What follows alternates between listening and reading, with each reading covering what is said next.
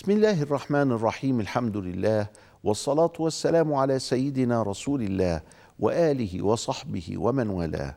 أيها الإخوة المشاهدون أيتها الأخوات المشاهدات في كل مكان السلام عليكم ورحمة الله وبركاته وأهلا ومرحبا بكم في حلقة جديدة من ديننا.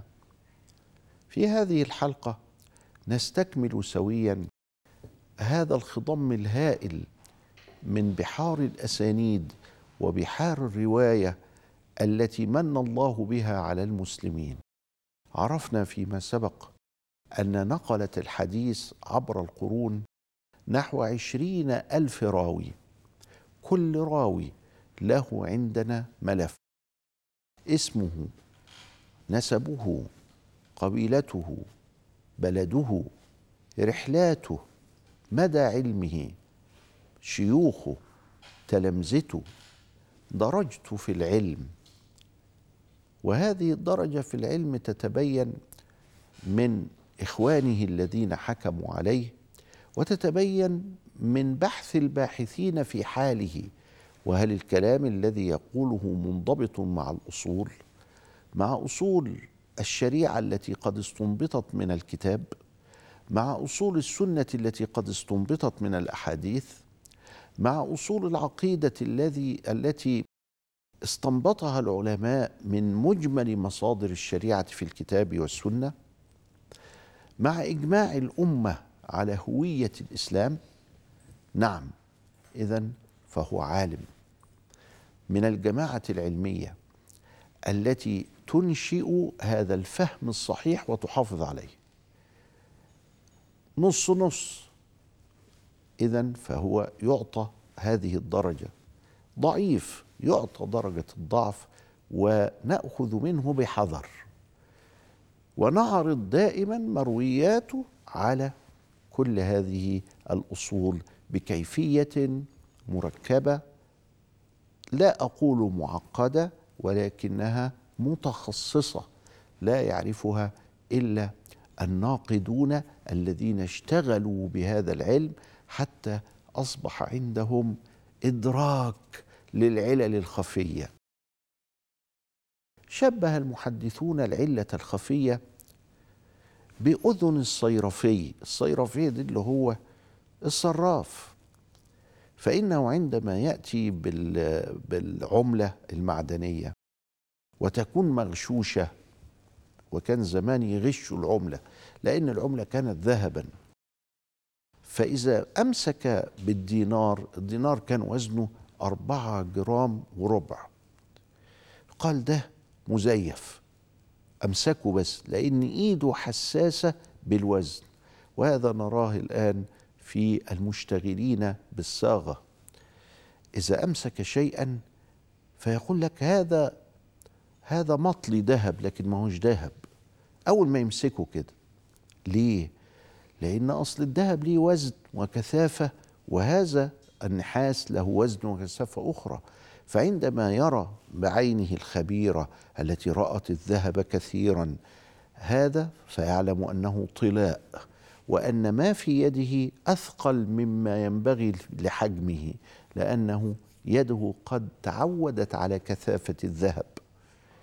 ولذلك يستشعر هذا هذا الشعور المتولد من الضربة من الخبرة يسمى بالعلة الخفية. فيقولون إن المحدث يدرك علل الحديث الخفية كما يدرك الصيرفي زيف العملة.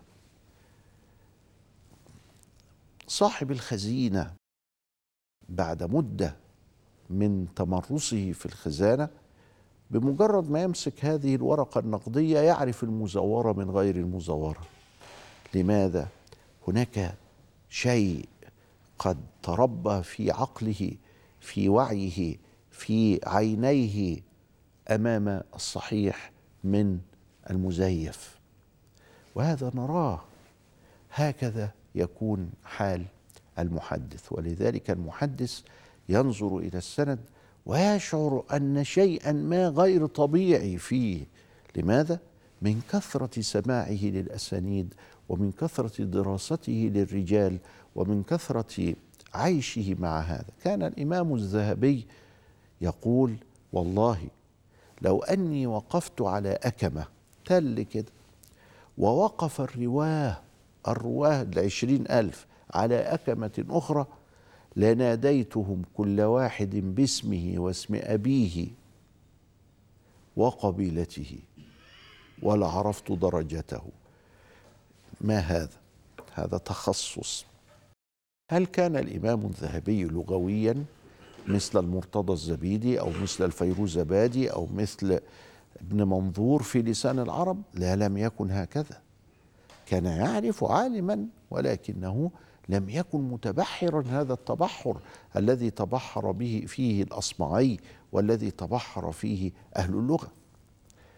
هل كان فقيها مثل الشافعي مثلا أو مثل مالك أو مثل أبي حنيفة أو أبي يوسف؟ ابدا.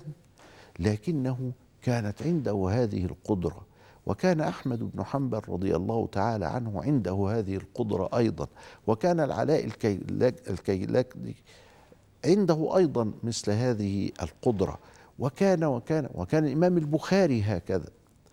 مرة بعد القرون الأولى قلبوا مئة حديث اساندهم قلبوها على البخاري بمعنى أن أحاديث مئة لها مئة سند فجعلوا الأسانيد الأولى عشرة الأولانيين للعشرة الثانيين والعشرة الثانيين للعشرة الأخيرين. وعرضوا على الإمام وهو يقول لا أدري ما هذا الحديث لا أدري ما هذا الحديث لا أدري ما هذا الحديث. عندما تمت المئة اكتشف هذه الخدعة أو هذا الاختبار أو الامتحان.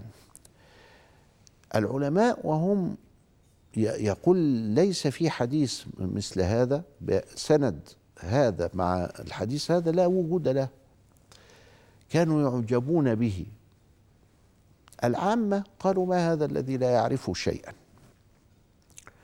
العلماء عرضوا عليه مئة حديث ولكنه لم يجب أن يعرف شيئا منها. بعدما انتهوا رد كل حديث لسنده. قالوا أما الحديث الأول الذي ذكرتموه فسندوه هكذا وأما الحديث الثاني فسندوه فتعجبوا أولا من حفظه. حفظ الأحاديث التي سئل فيها مباشرة مواهب ربانية منح صمدانية. بعض الناس الذي لا يتذكر اسمه أو لا يعرف آه، رقم هاتفه ويحتاج إلى معين في ذاكرته يتعجب بل وينكر. وفقدان الوجدان لا يلزم منه فقد الوجود. أيوه أنت لست هكذا لكن هذا الرجل كان حافظا حفظا شديدا حفظوا أشعار العرب وحفظوا القرآن وحفظوا السنة وحفظوا اللغة وحفظوا أشياء غريبة عجيبة غريبة من الخطب والنثر وكذا إلى آخره. الزمن والبرنامج اليومي كان مختلفا ولذلك حفظوا كل هذا. 250 كتاب من كتب السنة ألفت لحفظ هذا التراث النبوي الشريف وصنفت من هذه الكتب وأعلاها صحيح البخاري ومن هذه الكتب صحيح مسلم وسنن الترمذي وأبي داود والنسائي وابن ماجه وهذه تسمى بالكتب الستة. فإذا أضيف إليها موطأ مالك وبعضهم يجعله في مكان متقدم فإنها تسمى بالكتب السبعة. فإذا أضيف إليها مسند الإمام أحمد وإذا أضيف إليها آه، آه، آه، بعض الكتب الأخرى مثل المستدرك للحاكم ومثل السنن للبيهقي ومثل مسند عبد بن حميد وأمثال هذه الكتب ومثل سنن الدارمي ومثل سنن الدارقطني فتكون هذه الأصول. فالأصول هذه ويضاف إليها بعد ذلك معجم الطبراني الكبير والأوسط والصغير ويضاف لها بعد ذلك مصنف ابن أبي شيبة ومصنف عبد الرزاق الصنعاني ويضاف لها بعد ذلك سائر كتب الحديث التي ألفت خدمة للسنة النبوية المشرفة. 250 كتاب ألف في السنة اشتمل على نحو 46 ألف حديث. وهناك أحاديث في غير هذه الكتب زي الأمالي لابن الشجري وزي تاريخ بغداد والتاريخ الكبير للإمام البخاري وأمثال هذه التواريخ وتفسير الطبري وتفسير ابن مردوية وأمثال هذه التفاسير فإنها لو جمعناها تصل إلى ستين ألف متن. ليست كل هذه السنة صحيحة بل منها ما هو صحيح ومنها ما هو حسن ومنها ما هو ضعيف. ولنا حلقة خاصة بصحيح البخاري حتى نرى ما الذي حدث فيه وأنه ليس كتاب فرد بل إنه كتاب أمة. هناك أمة اشتركت في تأليفه وتحريره ومراجعته ونقله وشرحه وهكذا. أمة بحالها.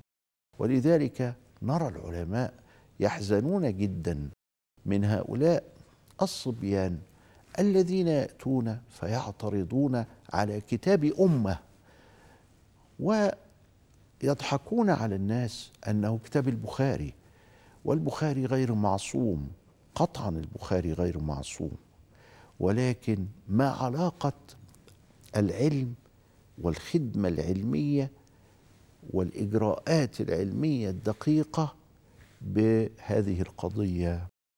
ثم بعد ذلك يتلاعبون في أمر سنفرد له حلقة خاصة وهو في غاية الأهمية يتلاعبون بين النص وفهم النص.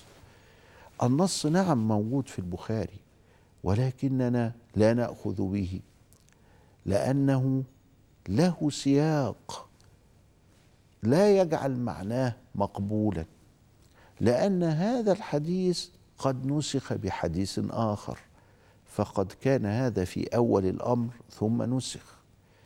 لأن هذا الحديث معناه لابد فيه من معرفة العام والخاص والمطلق والمقيد والناسخ والمنسوخ ولا بد أن يكون في الجملة الواحدة التي تكلمنا عنها في القرآن الكريم.